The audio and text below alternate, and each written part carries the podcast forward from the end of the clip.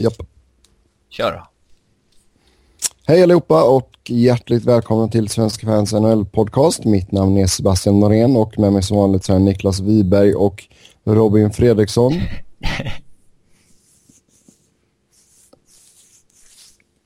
Börjar bra. Eh, vi börjar programmet med att eh, meddela att idag så har vi fått nyheter om att både Pat Quinn och Viktor Tikhonov har eh, ja, gått bort. Eh, Tikhonov var 84 år och Quinn var 71. Eh, båda hade ja, de hade en tids sjukdom innan de gick bort och självklart tråkigt för hockeyvärlden då det är två stora profiler som har lämnat oss. Ehm,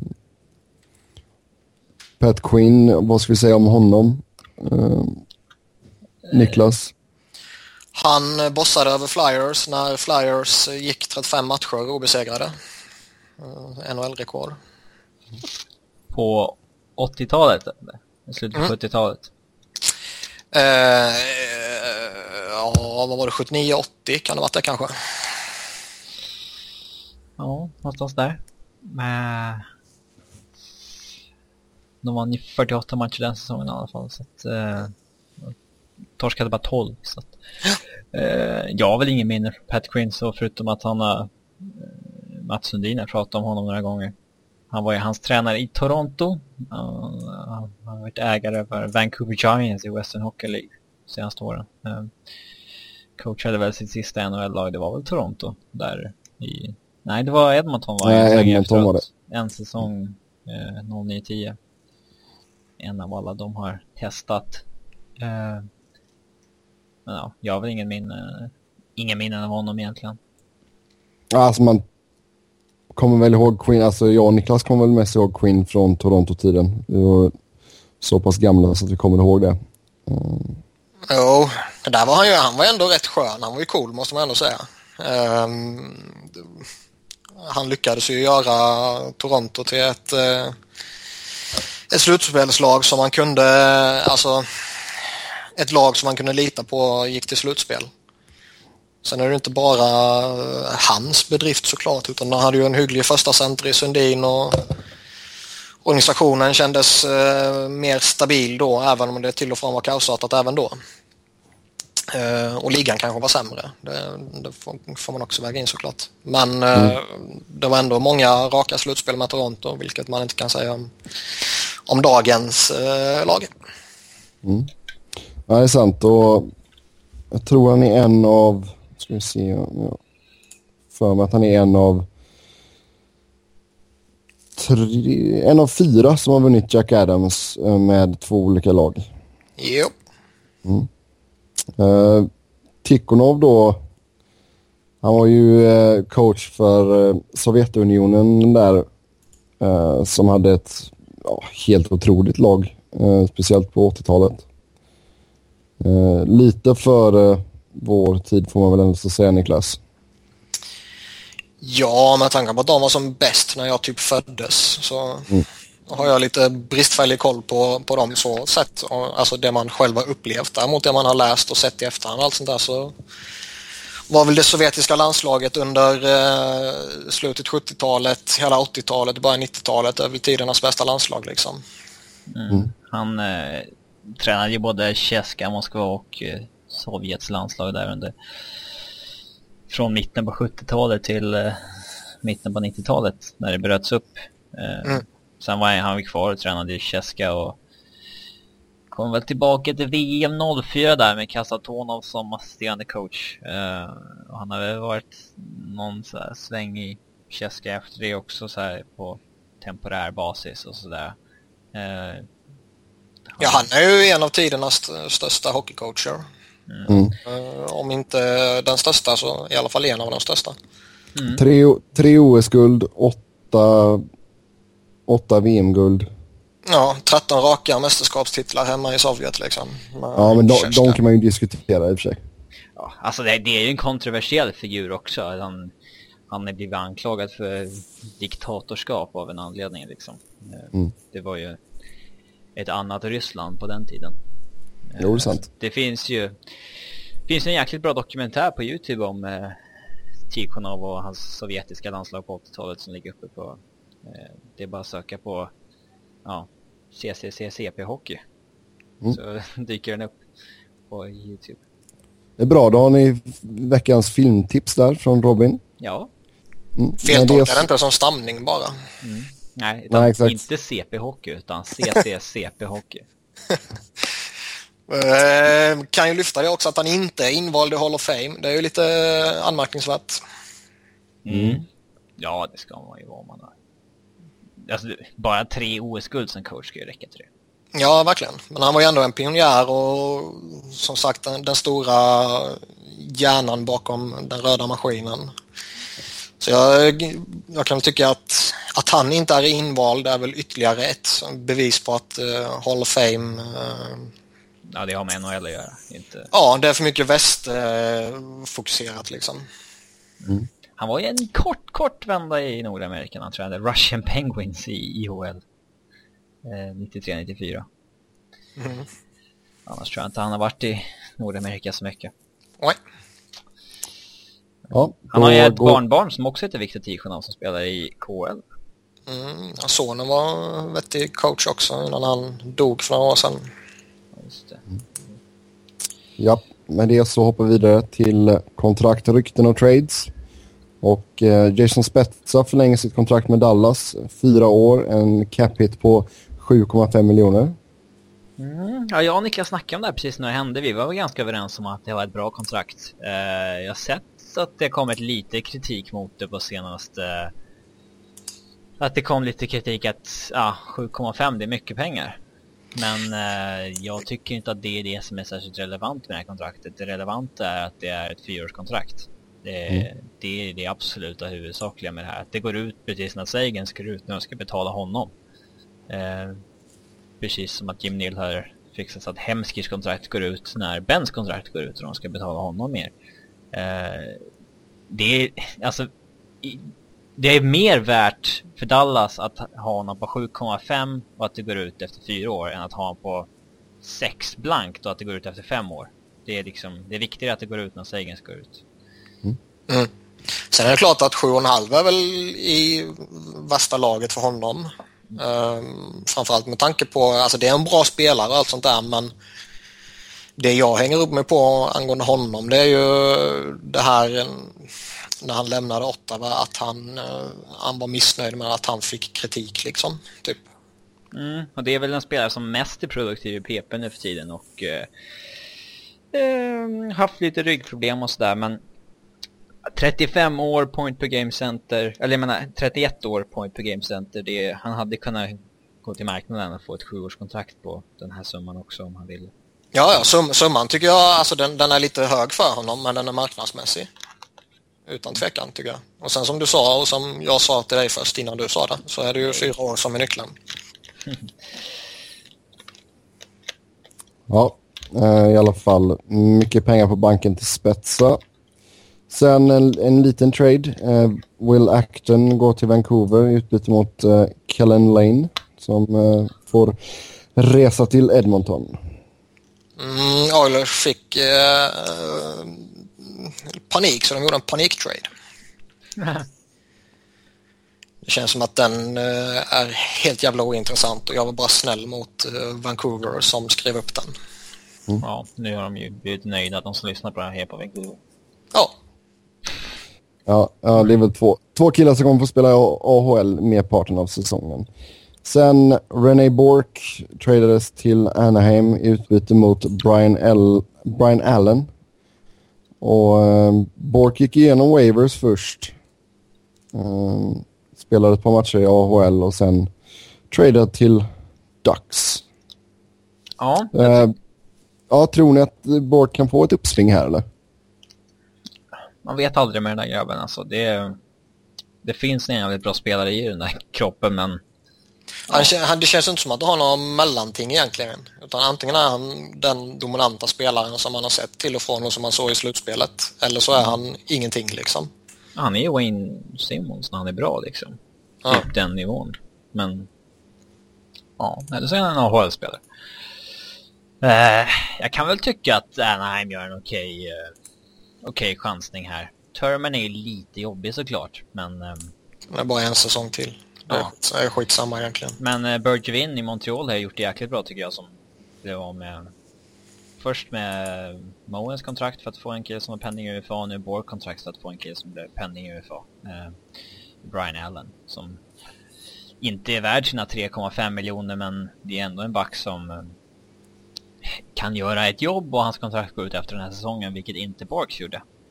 Uh, och det var ju så att Eh, hade Anaheim bara velat ha Bork så hade man tagit upp honom på waivers men nu vill man ju bli av med ett kontrakt också och då, det brukar ju bli så här.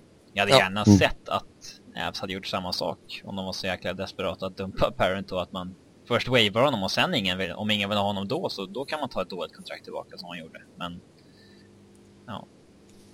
Mm. Sen eh, Jason Demers och ett tredje rundsval i 2016 års draft skickade man till Dallas i utbyte mot Brandon Dillon. Och eh, samtidigt så behåller Sharks 35 procent av Demers lön. Ja, rent krasst var det väl eh, att eh, lagen byter en eh, vänsterback mot en högerback. Där behoven fanns. Mm. Mm, jag tycker att uh, uh, Sharks får väl den lite vassare backen här. Uh, jag gillar Dylan väldigt mycket, men uh, ja, det kompenseras ju också av att uh, Dallas får ju tillbaka ett uh, tredjedelsval. Men det är en intressant trade, det är sällan man ser två, två legitima topp 4-backar bytas mot varandra så här. Börjar, när det bara gäller en hockey-trade så att säga. En behov, höger mot vänster. Vi såg det i fjol med Del Sotto mot Klein, men det var ju lite lägre nivå. Så, men mm. det här är två riktigt bra backar. Men känns det inte som att Demers kan ha en lite bättre offensiv uppsida än Dylan? Alltså ingen av dem har ju liksom varit imponerande än så länge i den här säsongen men... Ja, alltså jag blev lite imponerad av Demer när han... Eh, var det förra eller förrförra eller var det kanske båda säsongerna till och med när han gjorde upp mot eh, 30 poäng eller något sånt här eller strax över 30. Ja, förra säsongen gjorde han ju bra. Ja, Mm. Alltså där, där tycker jag ändå man ser någonting i honom. Så det är lite som du säger, det finns ju en offensiv uppsida. Uh, sen är jag väl... Liksom det, det, det, är inte den här backen som jag kanske känner, eller den spelartypen som jag känner att man kanske egentligen behöver gå efter i Dallas. När man har Goligoski som ändå är eh, stabil och du har eh, John Klingberg som har ja, han har varit okej okay under början här ju. Uh, skulle jag varit i deras roll skulle jag väl föredragit en, en lite mer uh, pålitlig uh, tvåvägsback än uh, den kanske, som jag ser det, lite mer uh, offensivt inriktade de fick. Mm. Och sen uh, ska jag säga det att Sharks blir ju betydligt tyngre på backsidan där med Dillon som är en ganska stor grabb. Väger ju lite norr över 100 pannor. Mm, det är en riktigt bra back. Uh, där uh, har de gjort en bra, en bra acquisition, Sharks. Deras vänstersida är ju klar för en tid framöver i alla fall med Vlasic och Dillon. Mm, ja, absolut. sen... Sen alltså det att man behåller 35% av lönen, alltså det... var, var, att det var någonting som var tvungna att göra, eller? Det var för att traden skulle gå igenom. Alla mm. ligger väl liksom lite uppemot taket nu va? Tror mm. jag. Jag tror att det var på grund av det i alla fall. Mm. Jo, men det måste ha varit. Japp. Sen eh, såg vi att eh, Andrei Nestrasil blev eh, wavad av Detroit och eh, Carolina var snabba där och högg på honom. Ja, det var det, det laget med högst prioritet som eh, mm. För det, det, har ju kommit ut att det var mer än ett lag som lägger en claim för honom. Mm. Um, det är en spelare jag gillar. Han um, är stor och stark och uh, ja, rör sig bra. Är ganska allround. En kille jag gärna skulle ha i bottom six och han är bara 23 så det finns ju lite uppsida där också. Och um, Ken Holland sa ju när de skickade ner honom att de, de visste att det var en risk att någon, skulle, någon kanske skulle ta honom. Och det, så blev det ju. Uh, han gjorde ju dessutom mål i första matchen mot uh, Colorado. Um, mm, bra pojk. Och även om Carolina inte hade varit lite... Ja, de visste tydligen inte hur hans namn skulle stavas på namnskylten, så de hade bara skrivit New Guy. Hans namnskylt i omklädningsrummet. Då väntar man väl med namnskylt eller kollar upp det, inte bara skriver New Guy. Eller hur? Så jävla svårt ah, ja. att inte gå in på nhl.com eller någonting. Nej. Ja, det är bra gjort där. Uh, sen uh, Kevin Ko Connaughton. Connaughton, tack. Uh, Waivers of Dallas plockades upp av Columbus. Mm, är en back jag gillar faktiskt. Han uh, hade jag också gärna lagt in en claim för om jag var i behov av en vänsterback som kanske kan spela ett sista backpar eller kanske ett steg högre och med lite tid. Uh, det är väl ingen chock att Columbus claimade honom dock eftersom uh, de, uh, ja, de eh, har haft lite skador. Eh, ja, men det är en back jag gillar. Han, han kommer nog göra en del nytta där. Vad är han de fick från eh, Vancouver i traden med Derek Roy? Uh, jättedålig trade för Vancouver. De skickade ett andrahandsval och Kevin Knaten till uh, Dallas för några matcher med Derek Roy. Uh. Mm. Ja, sen två spelare som gick igenom waivers. Uh, vi börjar med Josh Harding som, som vi trodde skulle bli upplockad. Ja, säger en del om målvaktsmarknaden i. Mm. Varför Markström är AHL och sånt där. Det, det finns det finns mer än 60 NHL-målvakter i världen. Kan man säga. Mm. Det, det, finns inte jobb åt alla. Nej men alltså är det inte lite konstigt ändå att Harding inte blev claimad med tanke på att han sitter ändå så på ett utgående kontrakt och... Ja, det var 93 räddningsprocent i fjol. Ja. Jag tycker det är udda men jag tycker också det finns uh, rimliga förklaringar till varför han inte blev det. Uh, har han precis sparkat sönder foten var det va? Mm. Så är väl det en viss, eh, man vill väl gärna se honom lira och liksom visa att han klarar av det och det finns säkert någon som eh, ifrågasätter eh, det intelligenta i att sparka sönder foten när du blir förbannad.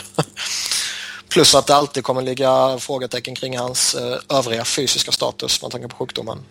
Jo, alltså det är klart att han har ju MS och det är, det är klart att det kommer att ta ut sin rätt så småningom men alltså det det känns inte så med tanke på att han sitter på ett utgående... Det är inte så att han sitter på ett femårskontrakt. Nej, det är som jag sa förra veckan. Jag var rätt övertygad om att han skulle bli upplockad. Um, just för det han har presterat tidigare. Mm. Sen vet man ju, visst det är klart att många lag har det ganska sett när det kommer till målvakter och sådär. som Robin sa, det är ganska många lag som ligger upp mot taket eller att de inte har budget för det helt enkelt. Men alltså ett lag som typ New Jersey. Mm. Om man hade haft rum liksom. Det är... Och de har space för att ta in honom. Uh, så att ja, jag hade gjort det. Då de, jag hade nog varit mer bekväm med att gå till uh, Harding några matcher än att gå till Clemenson. Mm. Ja.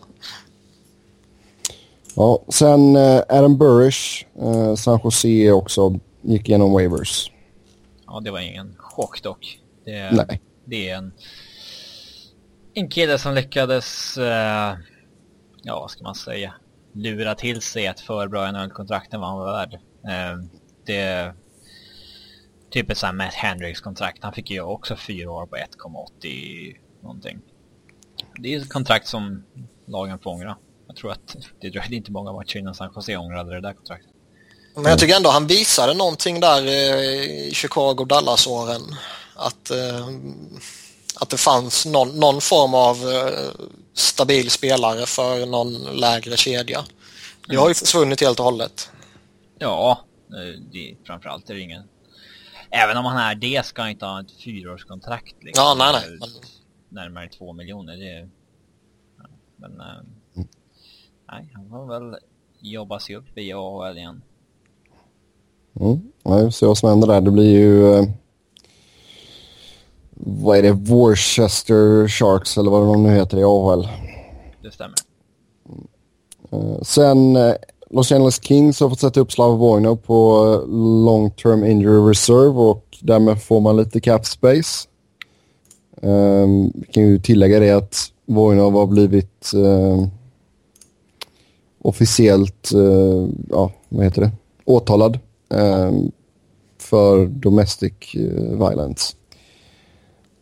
Vi får se vad som händer där i framtiden. Det är inte hans fru som har kommit med detta utan det är District Attorney i Kalifornien. Det är en soppa kan man säga helt enkelt. Hon hade ju gått ut via sin advokat och sagt att hon inte höll med om beslutet och hon inte trodde att det liksom var att det inte var allvarligt liksom, det han hade gjort. Mm. Ja, det är som sagt det är en soppa detta men det vi får se vad som händer. Uh, Kings får i alla fall lite utrymme här nu. Man hade ju stora problem att ja, ha en full trupp och man lirar någon match med fem backar och sådär. Uh, tror ni att Kings kommer att göra någonting eller kommer man bara liksom hålla på den här truppen man har nu? Nu kan man ju andas lite. Uh, innan var det ju på konstgjord andning när man var verkligen uppe i skiten och som du sa fick spela någon match utan komplett lag. Mm. Så nu tror jag bara man kommer reda, rida ut det här eh, till man får eh, något form av besked till vad som kommer hända med honom. Eh, det som är lite intressant är ju att eh, din Lombardi gick ut och har jag för mig sa någonting om att eh, ja, jag bryr mig egentligen inte om, om att vi fick long term injured reserve space utan det han bryr sig om är att eh, Voinos karriär kanske är eh, kan köras om han blir dömd. Mm. Vilket ju såklart är eh, lite kontroversiellt att säga när han är åtalad för hustrumisshandel. Jo, men alltså blir han dömd så kan han ju utvisas ur landet och allt möjligt. Jo, men det, det, ja, jag håller ju med om att det är givetvis det som Kings bryr sig om och det är ju det han ska bry sig om så sett. Men det är ju alltid folk som kommer reagera när man säger en sån sak och man inte fördömer eh, det han har gjort liksom utan man bara oroar sig för sin egen sak. Jag säger inte att jag säger så, men det är många som har sagt så. Jo men vadå, det kan jag, alltså, det kan jag absolut köpa. Alltså, det, blir han dömd för detta så kasta ut honom liksom. Det är inget snack om saken. Han det är sen... fortsätta spela hockey i NHL. Nej, absolut inte. Man får inte närmaste åren. Men, eh, ja, får se. Alltså mm. det, är, det är en jäkla skillnad på om han blir dömd eller inte. Liksom. Jo, men sen är ju frågan också liksom vad, vad händer? Säg att han får någon sån här villkorlig dom liksom. Är det okej okay fortfarande eller är det fortfarande... Jag inte, man kan, kan han få villkor? Han kan ju säkert dömas till så probation i typ, ja, med tanke på att han är en känd idrottsman och han har en god inkomst så kan det mycket väl trixas på något sätt så att han får uh, slipper fängelse. Man får någon, vad du nu heter. Ja men det är ju liksom villkorlig dom och så ska ja. det göras samhällstjänst och grejer. Ja, typ. Det, tyvärr är ju rättssystemet så här borta att har man mycket pengar så kan man klara sig undan det mesta. Jo. Mm. Sen eh, Daniel Alfredsson, det ryktas om att han eh, kommer att avbryta comebackförsöket och lägga av. Det kommer eh. väl bekräftas i natt, det förväntar sig alla. Måndag mm. Enligt amerikanska uppgifter i alla fall, eller kanadensiska. Eh, det var ju lite andra uppgifter också från, från annat håll, men de flesta säger i alla fall att han kommer Eh, det kommer bli klart eller offentligt idag eller i natt eller vad fan det blir. Mm. Det är väl, han är ju det är ju på tiden, han fyller 42 nu i december liksom. han, han går ju inte direkt i pension i förtid. Eh, han hade ju kunnat gått i pension för fem år sedan som 37-åring och fortfarande varit en ärrad veteran liksom. Så att eh, det, han har fått många, många år på toppen utan, utan mycket skador. Han spelade 47 matcher lockout-året till exempel, 75 året innan. Och, visserligen 54 innan det, men alltid varit över 70 matcher innan det i 10 år framöver. Så att han har liksom, han har klarat sig undan bra från skador och det väl därför han har hållit sig här länge också. Spelade ju 68 matcher i fjol också. Så att, uh, det är en gynnsam spelstil också. Mm. Däremot är det ju jävligt tragiskt med en sån här, eh, med den avslutningen han får på sin karriär. Man lämnar Ottawa som var i hela karriären på det sättet han lämnar. Och sen gör han en halvhygglig säsong i Detroit och sen slutar han på grund av skada liksom. Mm. Det är lite ovärdigt men, eh, och det, det, är lite det man kommer komma ihåg honom för också. Det är sånt som är så tråkigt. Det var ju som med Mike Moderno. Ja. Nej då. Du får komma ihåg honom för säsongen 2005-2006 när han gjorde 103 poäng. Ja, han var ju grym där runt omkring. Uh, givetvis, men tyvärr så som sagt eh, minnet förstörs lite av det här sista. Mm. Lite samma sak med Mats Sundin också. Mm. Ja. Uh, följdfråga här då. Tror, hör Daniel Alfredsson hemma i Hall of Fame? Ja. Det beror på om man går på deras kriterier, om man går på de kriterierna som jag vill ha. Ja, han har inte vunnit, så då ska han inte in. Nej, jag kan, Hall, Hall of Fame kan jag köpa att man kanske inte ja, för, vinna. för annars kommer inte Erik Lindros in, eller? Uh, uh, nej, men Hall of Fame är ju ändå, alltså han har ju ett OS-guld liksom. Det, Hall of Fame ska ju vara hela, hela hockeyvärlden så att säga.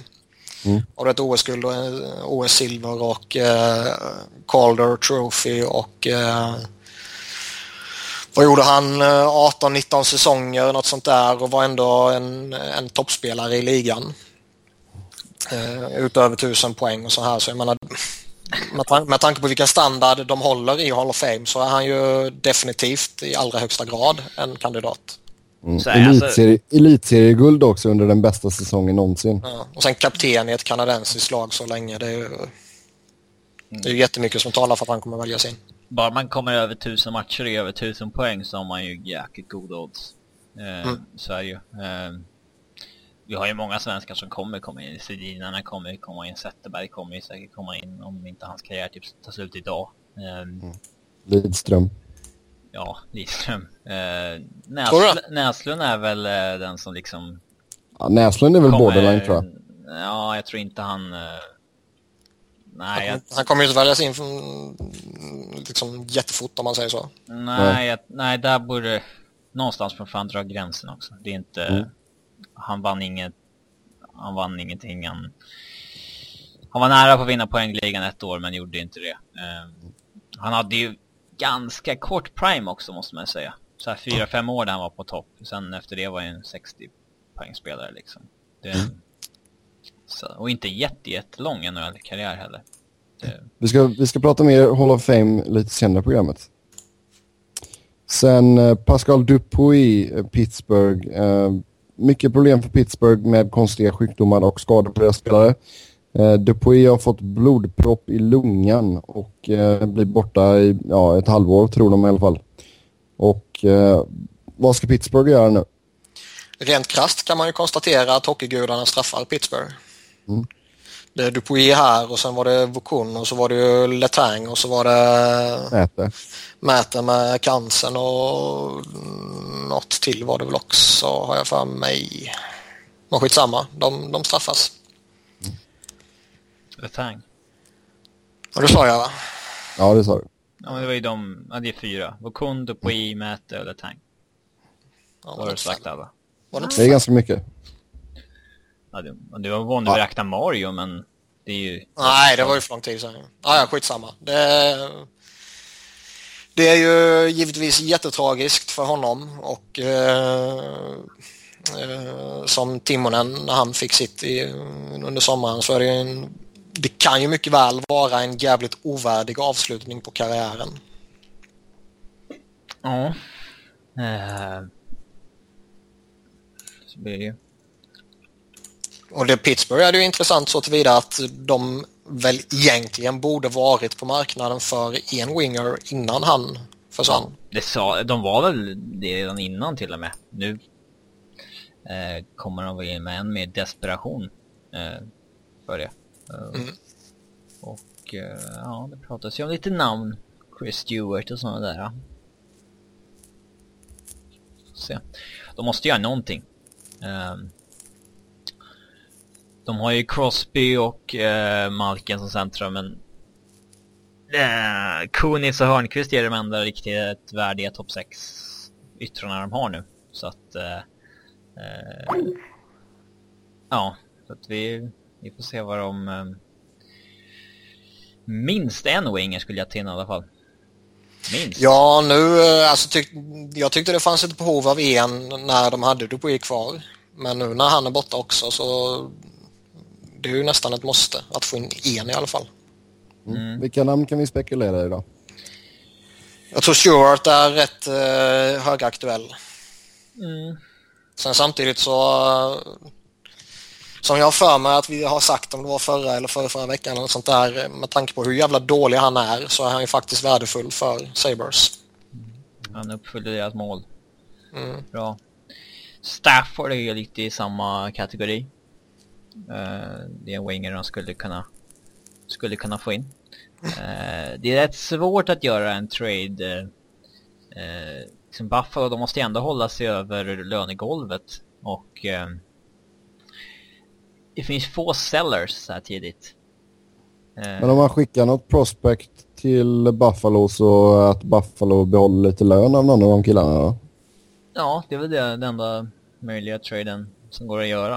Uh, jag har svårt att se något lag som har en chans på slutspel fortfarande liksom skicka en av deras top 6 wingers för en av deras back prospects. Mm. Det var på lite. Alltså det, deras prospects på backsidan är ju som vi har sagt riktigt eh, attraktiva. Jag tror mycket väl att är det något lag som är precis lite sådär, ja vi kanske kan ta oss till slutspel men åker vi till slutspelet så kommer vi försvinna direkt. Eh, då kan det vara läge att stärka upp eh, prospect-poolen. Mm. Ja, nej, vi får se vad som händer här i Pittsburgh men som sagt minst en winger behöver ju komma in i alla fall. Eh, Edmonton sägs eh, shoppa David Perron och eh, de vill förstärka med en center och vilka namn tror ni kan vara på deras önskelista? Patrik Berglund. Lars Eller. Överst på listan tror jag är Ryan O'Reilly. Fast den enda av dem som faktiskt skulle göra det där laget mycket, mycket bättre och mer stabilt, det är ju O'Reilly. Ja, men eh, ja, det har ju ändå det har ju snackats om Berglund eller jag tror ändå att det Ja det är klart, alltså får de in en NHL-center så är det ju, har de ju blivit bättre, det är inte det jag menar. Eh, de behöver ju all hjälp de kan få liksom. Men... Eh, Ska de avlasta Nugent Hopkins så behöver de ju, det är ju bara Riley de kan. Men ska de... Nej men det är ju lite här som man säger. Så, ja. Då... Nej, men det, det är lite som man säger också att liksom, ska de göra någonting som verkligen ska få en effekt så måste de göra något stort ju. Ja. Det här känns ju bara återigen som en sån där liten halvdan grej som man gör mest för att göra någonting. Um, O'Reilly räknar ju inte som den här halvdana grejen då, men de andra. Mm. Det, en, det hade ju varit en intressant, eh, en intressant trade. Då tror jag Ja, jag tror åtminstone Everlay skulle gå åt andra hållet. Jag tror inte de får han genom att shoppa Perron. Nej, det sägs ju att uh, Everlay kan vara tillgänglig också. Ja, Bob McKenzie har ju sagt att hans namn är floating. Mm. Det, sen, ja. är frågan, sen är det frågan om de säger att han är tillgänglig eller om de andra lagen frågar om honom. Ja, så är det ju. Eh, det hade ju varit en ganska jag tycker väl att Edmonton hade väl fått en bättre spelare än i en sån trade i och med att de får en center och det är ju den viktigare positionen. Men Eberle är ändå en, en 30-målsskytt i ett pisslag liksom. Och, en point per game winger. Jag vet inte om exakt om hans siffror är point per game men han skulle ju definitivt vara i ett snäppet bättre lag. Eh, så att eh, det hade varit en intressant en intressant trade som förmodligen jag skulle göra i och med att Eberle har lite term som eh, Riley inte har. Mm. Ja, och sen eh, följdfråga här då, just Edmonton och ja, kaoset som är där kan man väl säga. Eh, Dallas Eakins, alltså hänger han lös nu eller? De sparkade målvaktscoachen så nu får väl de vänta lite. Ja, alltså det, det är inte värt att göra någonting under säsong för att liksom de, in, de måste inse att den här säsongen kommer inte bli något bra i alla fall. Det är liksom, vi kan lika gärna ta ett toppval till. Eh, att försöka sparka coacher på det är en så här halv effekt som man kommer liksom och får välja tia istället. Det, liksom, det ger ingenting. Mm. Så att, eh, ja, jag tycker definitivt att han ska köra året, året ut i alla fall. Sen kan han väl man skulle börja överväga coachkandidater redan nu, men det är, det är inget attraktivt jobb att ta alltså. Det, det beror på hur man ser det. Det är visserligen jäkligt låga förväntningar när man kommer in där, för ingen har ju lyckats få igång det där laget. Jag tror att liksom en, eh, en Tortorella skulle få en viss effekt. Eh, lite som Laviolette i Nashville liksom. Att det blir lite en första reaktion liksom i alla fall. Men vill man, vill man ta Edmonton? Vill man ta Edmonton i detta läget? Jag vet inte. Det beror väl på hur desperat man är på ett jobb. Ja, men liksom det, det, de här, alltså Dan Bylsma och eh, Tortorella som här, de är inte fattiga så de, liksom, de går inte bankrutt om de sitter arbetslösa den här säsongen. Utan det, men det är inte det kom... jättemånga jobb som blir tillgängliga varje år. Nej, men jag tror ju de är några, i alla fall Dan Bylsma, står ju nog rätt långt fram i kön. Mm. Guy Boucher, Bylsma, Tortorella. Mm. Ja. Så frågan är, vill man ta Edmonton nu eller ska man ha is i magen och vänta på att ett kanske lite mer eh, attraktivt lag gör någonting? Eller ska man vänta hela vägen till sommaren kanske? Ja, det är sant. Ja, det är ju lite synd också att det inte riktigt har funkat för Eakins eh, med tanke på att han... Han var ju hypad som fan. Han, han var väldigt han hypad. Och... Nästa storcoach. Ja. ja, och det är liksom... Det gör det kanske lite svårare för lag att satsa på oprövade NHL-coacher också, tyvärr. Ja, samtidigt så... Jag menar, titta på ett lag som Vancouver. De går ju hyfsat med Desjardins. Mm. Jag vet inte, jag har inte riktigt bestämt mig för om det är Aikens eller Edmonton det är fel på. Eh... Edmonton. Ja, men eh, ja. Det, finns, det, finns, det, det, är alltid enklare att sparka coachen än att uh, skaka om laget med några trades eller att uh, sparka ut folk uppe på kontoret. Men det ja, finns många saker. År nu. Ja, coach, men liksom, liksom. Ja inte... det finns många saker jag skulle göra innan jag sparkar Dallas Eakins. Ja, den där kåren behöver skakas om. Mm. Tror jag. Det, det är sällan jag tycker att man ska göra en shake-up så här liksom för att fan det, men alltså nej de måste försöka sig på någonting större som ger någon form av effekt som de sen kan bygga vidare på. Ja. Ja, vi får se vad som händer i Edmonton. Vi går vidare till ett annat smått och gott och uh, World Cup uh, ska ju komma tillbaka ser det ut som och uh, Förslag på upplägg är Sverige, Kanada, USA, Ryssland, Finland och Tjeckien plus All-star-lag från övriga världen och All-star-lag av de bästa unga spelarna. Ja. Vad säger vi om det här spontant?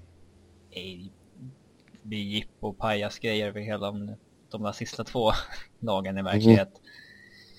Ja, jag tycker det är liksom nedvärderande. Jag tycker det är nedvärderande mot turneringen i sig och jag tycker det är nedvärderande mot eh, liksom eh, Slovakien, Schweiz, eh, Lettland, Norge, Slovenien och så vidare. Och jag tycker det är nedvärderande mot eh, sporten i sig. Mm. Ja, det blir, det, man förlöjligar ju World Cup till en jäkla liksom plojturnering då. Ja. Sen är det, det är uppenbart att det bara är kommersiella intressen. De vill ju sälja in det i så många länder som möjligt. Ja, så vill de ha mer co-op-gitarrer så här liksom. Så att det... Mm. Ja, det blir sen, sen tycker, jag, tycker jag det är jävligt udda liksom slänga ihop ett liksom bästa, om man säger juniorlag. Uh, ska liksom de bästa svenskarna, de bästa kanadensarna, de bästa jänkarna gå in i det laget och spela mot Sverige, Kanada och USA. Det, det känns ja, ju jävligt det, uh, udda. Det är lite konstigt. Om det ja. laget skulle vinna, vart fan skulle de fira? ja. Och det kan vara om blandlaget firar. Åker de då till, åker de till Slovakien eller Slovenien eller åker de till Schweiz eller vad blir det? Det blir en sån riktig segerturné blir det. Mm. Nej, det blir larv. Du ja, hoppas man var... inte förlöjlar på det där sättet. Nej, man var ju taggad som fan inför World Cup nu, för det känns ändå... På något sätt känns det mer eh, hett än OS. Så tillvida att, uh, att det här kommer gå i Toronto, Montreal, uh, den, det området liksom. Mm. Och, och, givetvis kommer vara tokhypat. Jo men alltså som, ni, alltså, som vi säger här, alltså, All-star-lag från övriga världen känns jäkligt konstigt. Men om ni är tvungna att ta in två andra länder då istället för de här All-star-lagen, vilka skulle ni välja? Slovakien och Schweiz tror jag. Eller? Ja. ja. Vilka, vilka är det som saknas? Ja, det är de. Slo Slovakien är väl det laget. Sen om två år så kan ju det här laget vara rätt eh, sunkigt också. Med tanke på att deras stjärnor är gamla. Ja, så är det ju. Definitivt. Men Schweiz är ju en nation på uppgång. Och, ja, de har ju förtjänat en sån där plats. Ja, precis. Jag tycker man... Eh, nej, som sagt, det är nedvärderande mot dem. Och jag tycker också sånt lag som liksom Lettland, Slovenien, alltså de är ju inte blåbärsnationer på samma sätt längre. Jag menar, de visade ändå i OS att de kan pressa de stora lagen. Ja. De får väl gå efter vanliga jäkla rankingen som vanligt. Där är det liksom Lettland som ligger före Slovakien på en ranking då, så är det väl de som ska med. Men det, var ju, det, var ju, det gick ju något snack om att de ville ha någon eh, kvalturnering eller något sånt här. Men att det inte lyckades eh, liksom peta in det rent tidsmässigt. Men det kan ju bara vara en jävla bortförklaring för att man vill ha det här jävla jippogrejerna. Mm. Men ska man räkna med OS i rankingen då? Pratar du in i en hink nu eller vad gör du? Nej. Okej, okay. det lät så de här två, tre sekunderna som det tog innan du svarade, det var ju då du plockade bort hinken. Hallå? Men, men som sagt, ska OS vara inräknat i rankingen? Det vet jag. Nej, jag har ingen aning. Dålig fråga faktiskt. Det är... Ja, jävligt dålig, jävligt... Ja. Ja, ja, ja.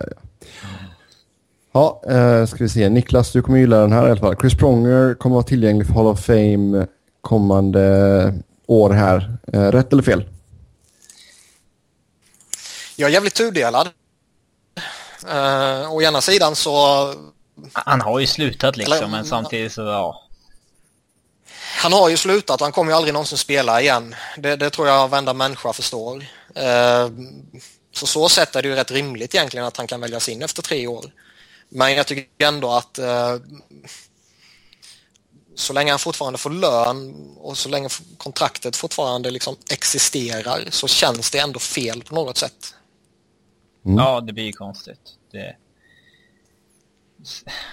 Tre år kvar på kontraktet liksom. Ja, liksom, man har ju på något sätt har man ju öppnat dörrarna nu för den här gråzonen för vad som eh, kommer tillåtas och vad som kan tillåtas och hur man ska hantera det. Ja. Så där, där ja. är jag lite tveksam. Mm, men att han förtjänar det rent meritmässigt är det väl ingen snack om. Att han förtjänar det meritmässigt är ingen snack om saken och nu när han är tillgänglig så ser jag han som självskriven första året. Mm. Uh, det, vi går väl in här på lite mer Hall of Fame-snack då. Niklas Lidström nämnde lite kort förut. Bör också vara given. Uh, vilka mer tycker ni förtjänar att väljas in nästa år? Sergej Fedorov. Mm. Jag har, inget, jag, har inte, jag har inte svinkoll på vilka som är med och inte. Bra men... Ja, men man kan ju, alltså, jag såg någon lista över vilka Finns som lite, var... Det är ju Lidas, det är Fedorov, det är Mark Recchi, Eric Lindros, Jeremy Roenick, eh, Chris mm. Osgood, Alexej Kovalev och lite sånt här. Ja. Uh, av, av dem så Lidas och Pronger har vi redan snackat om. Jag tycker de är så självskrivna det bara kan bli. Uh, Fed, Fedorov tycker jag också är, uh, mm. är, är given. Om han inte fortfarande, fortfarande spelar i Europa, jag vet riktigt. Nej, han spelade väl aldrig förra säsongen. Han, han skrev väl bara ett kontrakt va? För säkerhets skull har jag för mig. Ja, jag vet inte. Han, man kan aldrig räkna ut honom, men det... Nej, han är ju bara 44. ja. Men jag tycker ändå det var ändå... De tre är givna i... Ja, han var liksom ändå så pass dominant och han har ju vunnit eh, kuppen och han har vunnit eh, individuella eh, vad säger man, individuella priser. Mm. Och lite internationella framgångar också. Plus att han var ju, fan han var lika bra som back som han var från center liksom. Dave Andrewchuk är ju aktuell för nästa också va? Mm. Han har väl varit det länge. Ja. Precis som Erik Lindros. Ja, bara det är en mindre skandal att inte han är invald ändå. Nej, det är inte. Jo. Nej. Jo. Okej, okay, men då, då får du lägga, göra ditt case här till varför Erik Lindros ska in, Niklas. För att det finns eh, väldigt, väldigt få spelare eh, efter Mario Lemieux prime som har varit så dominanta som Eric Lindros var. Och han vann ändå Hart Trophy, han vann eh, Ted Lindsay Award. Han, som sagt, han var jävligt dominant. Eh, det fanns ju ingen som kunde dominera en match på det sättet som han gjorde både tekniskt och, och fysiskt. Mm. Sen, är, då... är det väl alltid lite att han, han är ju alltid lite uh, kontroversiell. Det, det, går ju att argumentera för att han inte ska vara invald också. Ja, jag tänkte göra det. Robin, du ska få göra det. Ja, men han har ju bara inom situationstecken 760 NHL-matcher. Han har inte vunnit Stanley Cup. Uh, väldigt få. Nästan vinnas behöver ju inget krav för att komma in i Hall of Fame. Nej, men det hjälper ju om du har vunnit. Ja, men jag tycker inte det är... Att, att säga att han inte har vunnit tycker inte jag är en, ett rimligt argument för att han inte ska väljas in. Nej, men jag tycker att det spelar in när man har titlar eller inte. Precis som att det spelar in att man har en titel. Ja, ja, jag, jag, kan, ja, jag kan säga så. Jag, beroende på vilka egna personliga preferenser man har så köper jag givetvis det argumentet. Men, alltså, det hade ju varit mycket lättare att argumentera. Det hade varit mycket lättare att argumentera för att han skulle in om han hade en Stanley Cup-ring. Jo, det är klart. Men visst, han, det som man kan säga är att han har ganska få matcher. Han har inte vunnit som sagt och han har ganska lite slutspelserfarenhet. Och hans prime var ganska kort tid av de matcherna han spelade också. Det är väl det som är... Eh, jag tror ja. det, det som står emot honom allra mest, det tror jag är att han... Eh, det här med Quebec och hela den biten och all, all, all skit som var runt omkring honom. Mm. Ja, ja, jag, jag, tror det är det som gör att han, att liksom, att, att de som bestämmer ser lite sådär på honom. Han har, ju en, det... Eh, han har en handfull matcher fler än Foppa i NHL. Men eh, Foppa samtidigt tre gånger så mycket slutspelsmatcher och han har dubbla Stanley Cup, Hart Trophy, dubbla OS-guld. Liksom det, så om, man jämför Foppa och han så är det lättare att göra caset för Foppa. Ja, eh, Foppa ser jag ju som självskriven. Ja men det var ju en del som argumenterade för att han var för kort eh, prime också liksom. Eh, ja det hade han. Nej men jag ska... Ja, men jag, jag tycker liksom en sån som Pavel Brev, väljs han in så ska Eric Lindros välja in. Och Cam Neal liksom. Ja men Eric Lindros kommer ju förr eller senare. Det ja det tror jag med, men han borde redan varit det. Eh, eh, ja men jag, ja, jag vill inte säga att det är någon skandal att han inte är in, invald. Men eh, om, om nästa år så det blir ju Pronger, Lidström, Fedorov. Om det då blir Mark Recchi som är nummer fyra så blir ju liksom, jag har ju förståelse för det. Ja, Mark Recchi är ju välförtjänt givetvis. Han, eh, jag skulle kunna köpa att han väljs in eh, innan Lindros och mm, vara nöjd med det liksom. Skulle verkligen Oscar in? Alltså, är han en värdig kandidat? Ja, det... men jag tänkte precis säga det. Det finns ett par killar som hänger på snöret. Och det är väl Osgood och Jeremy Roenick. Ronick är cool så tillvida att han verkligen var en profil som nästan ingen annan någonsin har varit och troligtvis aldrig kommer vara heller. Mm. Så så sätt så är ju han, om man tittar på den delen, så är ju han mm. äh, jätteaktuell. Det är ju en sån kille som lirade ja, över 1300 matcher gjorde över 1200 poäng också, det är ju, sticker ja, liksom, ut enormt. Men eh, visst... En, eh, en av eh, USAs främsta också, och sånt kommer alltid spela in också. Ja. Ja, han borde nog in förr eller senare. Han hade nog varit in om han hade en Stanley Cup-ring nu. Men Osgood, det är ju såhär, vad fan... Han... Han, visst han har tre Stanley Cup, men liksom det är ju... Det var inte han som vann dem, liksom. det, om man säger så. Det, han, han var målvakt i ett bra lag. Eh, eh, det, det, hade varit kul om Hall of Fame var liksom, det var lite högre. Alltså, det ska vara mer exklusivitet. Ja, ja det... Ribban ska vara högre. Nu, nu känns det som att... Vi, alla, vilken... som har spelat, alla som har spelat i en All-Star-match någon gång kommer in. Liksom. Ja, lite så. Har du varit en bra spelare och du har gjort uh, avtryck på något sätt så, så kommer du väljas in så småningom. Det är ju bara exklusivt för europeer. Alltså Ja. där är det ju... Där är det liksom inte alla som har varit bäst i innevalda. Liksom Som Tikhonov som vi sa. Fedorov har inte varit inne. Så här, men... Jag vet inte om han kunde väljas in först nu, men Jag tror inte det. i och med att han hängde kvar i KL där. Men, eh, ja, det. Ja, det var kul att vara lite mer exklusivt. Mm. Det håller jag med om. Ja. Då lämnar vi våran Hall of Fame-diskussion där och eh, så ska vi snacka lite om, eh, säger man Jon eller John? Jon? Eh, men vissa säger Jon och andra säger John. Eh, vi säger John Klingberg. Ja, jag säger inte Jon. Det, det gör vi inte. I Jag tycker, jag tycker Jon Klingberg är en bra back. Ja, bra, tack. Jag tror det är, jag, jag är förvånad över hans utveckling senaste, senaste två åren om vi säger så. Han var ju rätt dominant i Frölunda i fjol också. Um, jag kommer ihåg att han signades ju av Dallas, uh, vad blev det?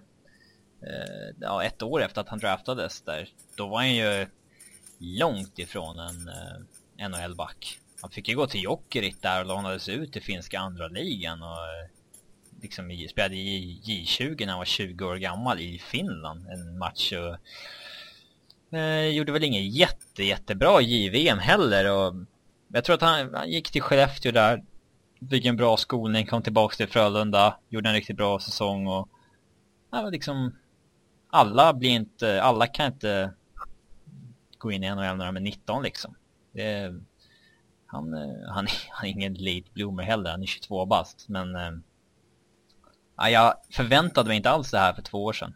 Det var ju liksom, det var ju David Rundblad som skulle bli vår nästa, nästa Erik Karlsson. Eh, han gjorde ju en poäng per match i elitserien när han var, när han var 20 bast. Eh, Klingberg har ju, ser dock ut att gå en bättre NHL-karriär till mötes. Det som är så fascinerande är ju att han verkligen har slängts in direkt, rakt in i elden. Visst, första matchen spelar han bara 18,5 minut. Sen har han varit uppe kring 25 minuter i princip varenda match. Det är ändå mycket för en, eh, en snubbe som gör eh, sina första matcher. Och som enligt, ja, folk inte kan spela i egen zon och sådär. Det Mm. är en väldigt offensiv back. Jo, ja. Det är en, en eh, förvånande utveckling. Eh, sen kommer han inte hålla den här nivån, men han visar ju redan nu att han kommer ju absolut kunna producera offensivt i alla fall. Det tror jag inte... Det ser inga hinder för att han skulle göra. Nej, vi önskar John lycka till. Eh, en annan John, Jack Johnson. Eh, Det var en gillar ni, den gillar ni. Den var riktigt dålig. krystad övergång. Varsågoda, varsågoda. Eh, nej, det är faktiskt en allvarlig story. Så Jack Johnson eh, var tvungen att eh, gå i personlig konkurs efter att hans föräldrar tagit ut väldigt suspekta lån eh, mot future earnings. Eh, och alltså det, det sättet han har blivit just, ja vad ska man säga? Rövknullad av sina föräldrar.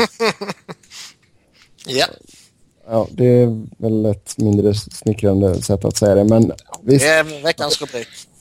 på, på sättet han har blivit lurad av sina föräldrar ehm, är väldigt, eh, väldigt allvarligt och väldigt ja, ledsamt egentligen.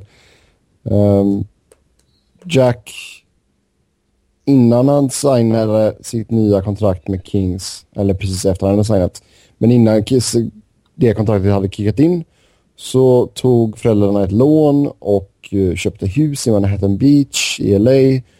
Man köpte nya bilar, man började renovera huset. Och det var ett lån som man mer eller mindre visste att man inte skulle kunna betala tillbaka i tid. Och efter det så har det snöbollat och eh, nu så sägs det att han har skulder på mellan 10 och 15 miljoner dollar. ja, Ja, han sparkade väl sin agent och liksom eh, det kanske inte skulle... Pat Bresson va? Ja, Ganska duktig agent. ja, och det kanske inte skulle hjälpt mot att föräldrarna skulle försökt blåsa honom. Uh, men... Man kan ju inte, man kan inte blamea någon för att han har gett ens föräldrar liksom fullmakt över ens... Alltså, nej, alltså, inte... nej, nej, det går ju inte. Men liksom, kanske skulle man behållit en agent och faktiskt låtit folk som som är involverade i den här verksamheten och som eh, med tanke på eh, vem det var trots allt är jävligt respekterad. Så eh, liksom sparkar man honom så eller sparkades upp kontraktet eller inte förlängde jag samarbete, jag vet inte vad det var. Men, men liksom att inte ha en agent, då kan jag känna att viss skuld kommer ligga på dig själv. Mm. Ja. Jo, att man inte har en, alltså en revisor eller någonting. Ja, men det är... Ja, det... Det är ju både konstigt men ändå förståeligt att han har eh, gett sin ja, mamma var det väl fullmakt. Mm. Det är så, är, är det någon som kan blåsa en så är det ju släkten liksom. Ja, och de förväntar man sig inte det av liksom. Nej, precis. Jag vet inte om hans föräldrar liksom medvetet försökte göra det här eller om de liksom haft egentligen usel koll på ekonomi och liksom tänkt men han är en NHL-stjärna, det kommer ju ändå liksom, det går inte att spendera så mycket pengar som NHL-stjärnor tjänar liksom. Det är mycket möjligt att de inte riktigt har insett men att... Men har tänkt på att liksom, ja men ränta på sådär mycket pengar eskalerar rätt snabbt liksom. Jo. Och, och sådär. Ja men det är ändå så sjuka lån de har tagit från väldigt suspekta, alltså ja, vad heter det? Um, det är inte så att de har gått till liksom Bank of America och tagit ett lån utan det har varit av liksom så halvskumma um, ställen. Så det är, jag menar det, det där första lånet tror jag hade så här typ 18 eller om det var 20, ja, det var minst 18 i alla fall eh, procent i ränta och det skulle betalas tillbaka ja, en miljon skulle betalas tillbaka i en klumpsumma ganska tidigt efter lånet och det var ju liksom kört från början. Hans farsa är väl annars allmänt eh, känd som en idiot. Ja, alltså det är ju en familj som har varit väldigt involverad i, i Jacks liksom, karriär. De har ju flyttat runt med honom och allting, vart han än varit och sådär. Det är nya eh. föräldrarna. Mm. Hur var det? Fick han inte tag i föräldrarna nu eller har han flytt? Typ? Det vet jag inte. Det har jag faktiskt ingen aning om. Men han det, han är ju väldigt orolig för sin, för sin lillebror som fortfarande bor med föräldrarna. Um, så ja, jag vet inte, det är en jättes, alltså, jätteledsen story detta. Uh, Jack Johnson har ändå så tjänat 18 miljoner dollar under sin NHL-karriär och det räk då räknar jag inte med årets lön. Uh, och tack vare idiotföräldrar så är han i skiten för liksom minst 10 miljoner dollar. Ja, han har ju tydligen inte spenderat... Alltså, han, köp, han, han köpte en fin bil. Det var han har spenderat, alltså, splashat sina pengar på. Ja, vad han har unnat sig själv så att säga. Ja, Och exakt. Ett, förmodligen ett above average boende då. Men, ja. Äh, ja. Konstigt en, ändå. Uh, ja, jag menar, det... en, alltså enda räddningen här är ju att Johnson har ju ändå så några år kvar så han kan ju fortfarande känna ihop pengar så han inte behöver oroa sig för uh, vad han behöver göra efteråt liksom. Ja, Men, alltså, det beror den... på hur han, om de där liksom lånen kan, om de kan frysa räntan på dem och så här liksom. Uh... Någonting löser de ju nu med att han går i personlig konkurs. Så det är klart att någonting kommer ju lösa sig liksom. Det, det har inga problem. Han har ju ändå, alltså efter denna säsongen har han ju ändå tre år kvar med fem miljoner i lön per ja. säsong. Mm. Ja, han, han kommer ju få, han kommer ju ha, han är 27 bast nu så han kommer ju ha minst ett eh, relativt stort kontrakt till ju. Ja. Mm. Det bästa hade ju varit om han eh, ja, hade blivit UFA väldigt snart. Han kunde ta ett frontloaded kontrakt då och betala av skulderna så fort som möjligt. Men mm. ja, det bästa hade varit om han hade någon, någon NHL-polare som kan ge honom ett räntefritt lån så att han kan betala av allting nu och sen Ja, men i, i, i och med att han går i konkurs nu så kommer de, alltså, han kommer inte behöva betala tillbaka 10 miljoner dollar. Utan det kommer bli betydligt mindre. Men alltså, egentligen så är ju pengarna sekundärt här. Utan det är ju, den här familjen är ju körd. Han kan ju aldrig mer lita på sina föräldrar igen. Ja, det blir inte många julmiddagar i alla fall. Det... I så fall ska vi de stå för... eh, För maten. Ja. Sen är vi kvitt. Tre rejäla julmiddagar, sen är allting okej. Nej, så vi, vi får se vad som händer här nu med liksom hans konkurs och det är lite stämningar till höger och vänster och eh, så det kommer nog ta, ta ett bra tag innan allt detta är utrett men eh, förhoppningsvis så kan Jack eh, åtminstone hjälpa sin lillebror i alla fall om han nu känner att eh, föräldrarna är inte är något bra inflytande. Eh, så ja, vi får se vad som händer och eh, vi lär väl återkomma när det har... När, ja, vi har fått lite slutdomar och allt sånt där från stämning och sånt där. Men eh, över till Toronto där... Eh, ja, vad ska man säga? Kaos.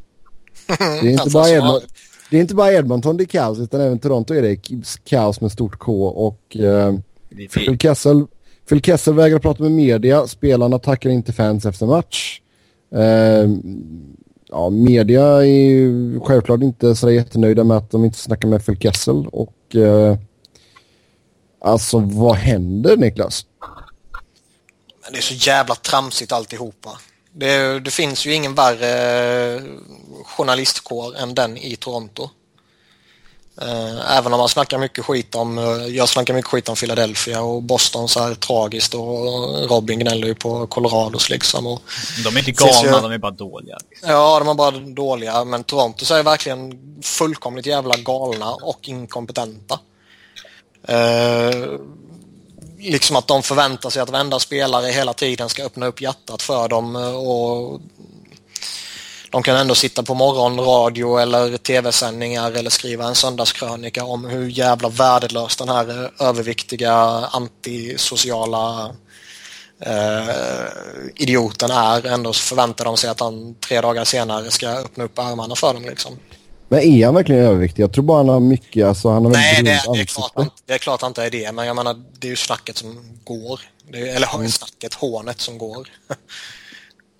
Och sen ser de inte honom som en ledare. Att han är en av de som producerar mest i hela ligan, det verkar de inte bry sig om, utan han är ingen ledare.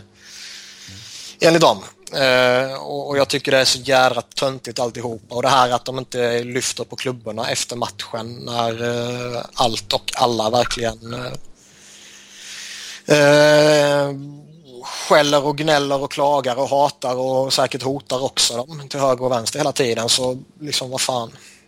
Sen kan jag tycka att spelarna är jävligt korkade när de gör en sån här sak för de borde ju faktiskt fatta att okej, om vi inte gör det här, vad kommer hända då? Oavsett om vi vill göra det eller inte. Mm. Ja, tydligen så hade de ju inte sagt till någon i, i tränarstaben eller... eh, Nej, nej, och de säger ju att nej, spelarna själva, det är liksom deras eh, grej, vad de vill göra med sina rutiner. Ja, de ville bara ändra, de sa att de ville bara ändra rutinen, att det inte var att det inte skulle vara värsta partygrejen varje gång de vinner liksom. Att det inte ska vara värsta speciella Ja, grejen utan det ska bara vara en, en dag på jobbet så att säga. Det ska Ja. normaliseras att vinna i Toronto liksom. Eh, Däremot, däremot var det ju jävligt skoj när eh, Boston Media gick ut och hånade Toronto för att eh, de inte tackade och att det var liksom, så gör man inte, fan vad tragiskt. Och sen var det massa folk som påpekade att ja, det gjorde ju inte Boston heller. Så det, det var skoj. Ännu, mer, ännu mer tragiskt är det ju när eh, Steve Simmons går ut och säger att ja, nu har ju Toronto en anledning till att plocka bort C från Dion van Uffs tröja. han får ju skit Alltså framförallt, alltså inte bara det han gör på planen utan oavsett vad han säger i vilken intervju som helst så vänds det vrids till att han ska vara en dålig ledare och att Ja, ja. Ja, Jag tycker synd om den killen alltså.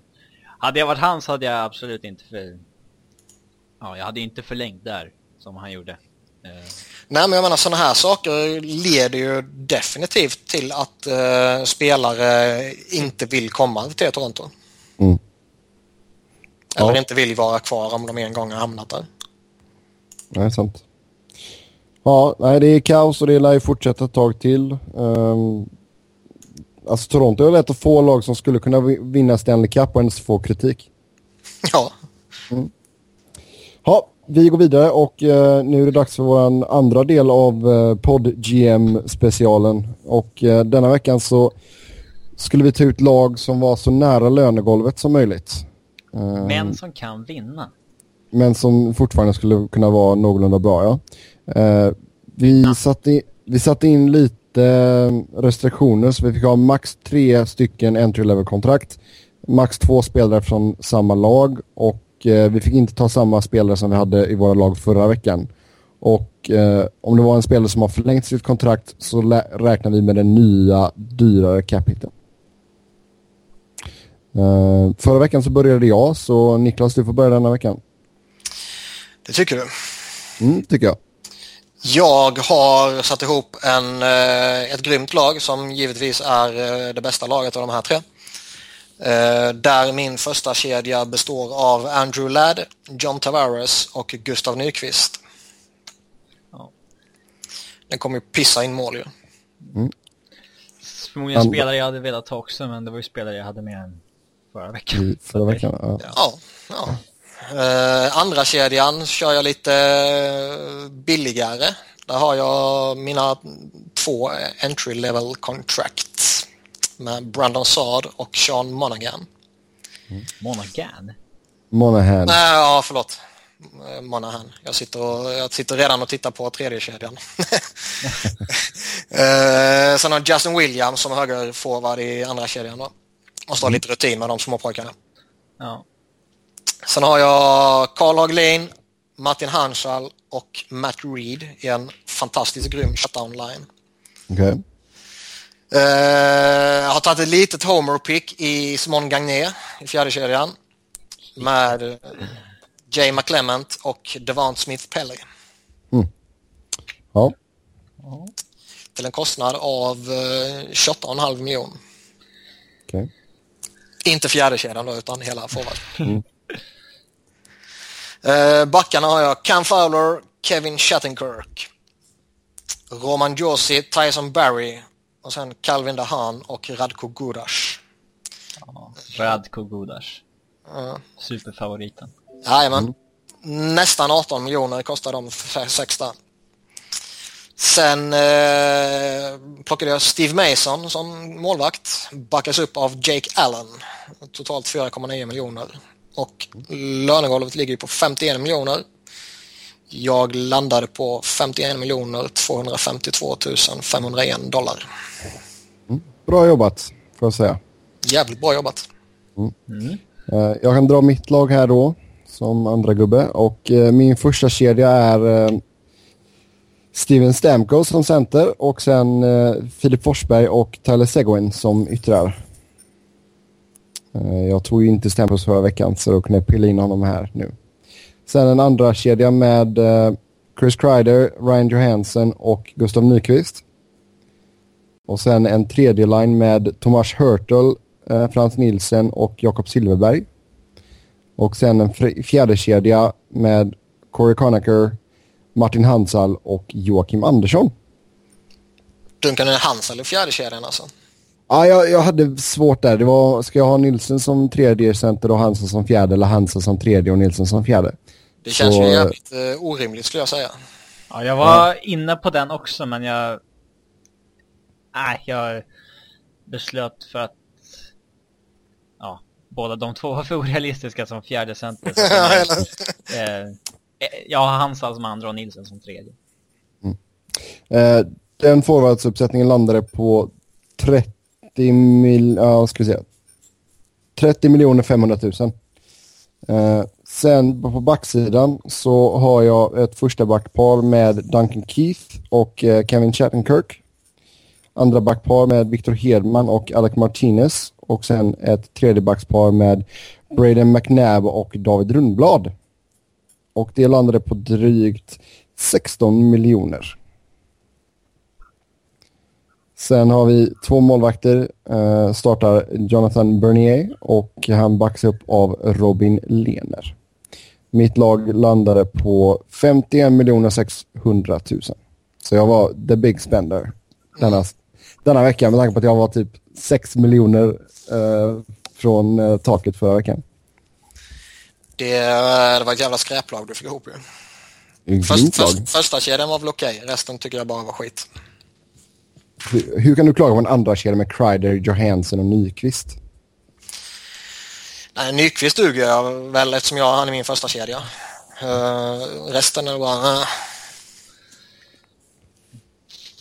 Mm. Mitt lag skulle pissa på ditt lag. Det är mycket möjligt, men jag skulle vinna. ja, Robin, din tur. Ja, jag har en uh, första line med Jamie Benn, Ryan Johansson och Vladimir Tarasenko. Uh, en andra line med uh, James Van Riemsdyk, Martin Hansel och Nathan McKinnon. En tredje line med uh, Riley Smith, Frans Nielsen och Justin Abdelkader. En fjärde line med Jimmy Hayes, Jamie Clement och Steve Downey. Mm. Forwardsbesättningen gick på 27,3 ungefär. Uh, har jag en backsida med första backpar med Ryan McDonough och Tyson Barry. Andra backpar med Roman Jossi och Brendan Dillon. Ett tredje backpar med Tori Krug och Sami Vatanen. En väldigt offensiv backbesättning måste jag eh, Och målvakter då så valde jag inte att gå med en stabil första målvakt utan två lite mindre. Så att jag har Jonathan Bernier och Fredrik Andersen. Ja, skräplag där också.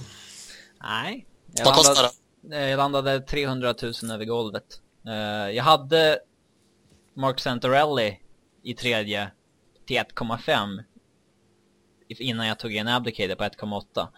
Uh, då hade jag hamnat 40 000 över golvet. Men då kom jag på att jag har ju Van Riemsdyk och Bernier så att jag fick inte ta en tredje Leaf. Uh, mm. uh, jag gjorde målvakterna sist och då tog jag in Bernier och sen... Jag kom på då att jag har ju råd med Bernier uh, istället för Kymper. Och då kom jag ihåg att just det, då måste jag offra Santorelli. ja. Det är lite mm. struligt. Det var...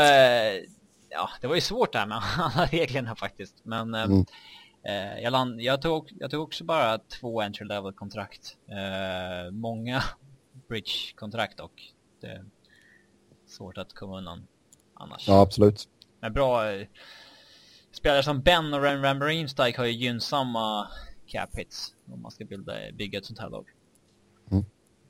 Ja, som vanligt så får ni jättegärna komma med era lag. Uh, håll er till reglerna och skriv dem i kommentarerna.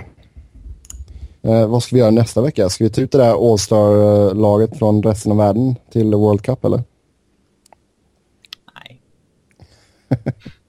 Nej, vi får se vad vi hittar på till nästa vecka. Men eh, det var allt för denna gång. Eh, förutom att vi ska göra en liten snabbis. Eh, ett tips på vilka ni ska följa på Twitter. Och ni ska ge tre snabba tips var. Och eh, jag kan börja där och jag tycker ni ska följa The Royal Half. Eh, även om man inte är Kings-supporter så är, brukar det vara väldigt roliga tweets som kommer därifrån. Samma med eh, Five for Howling. Eh, S Kul att han försvinner när han ska promota sina Twitterkonton. Ja, det är lika bra då. Jag tappar inget vittnet i den där och sådär, skitsamma. Vet han att han har Okej, okay, där försvann han på riktigt. Eh, det kommer ju komma in under det här om någon sekund.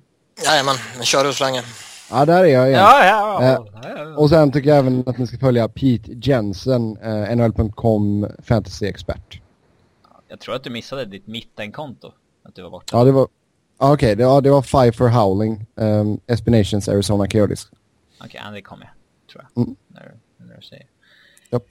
Uh, jag har bara hittat två konton som är värda att promota på hela, Twitter, på hela Twitter tyvärr.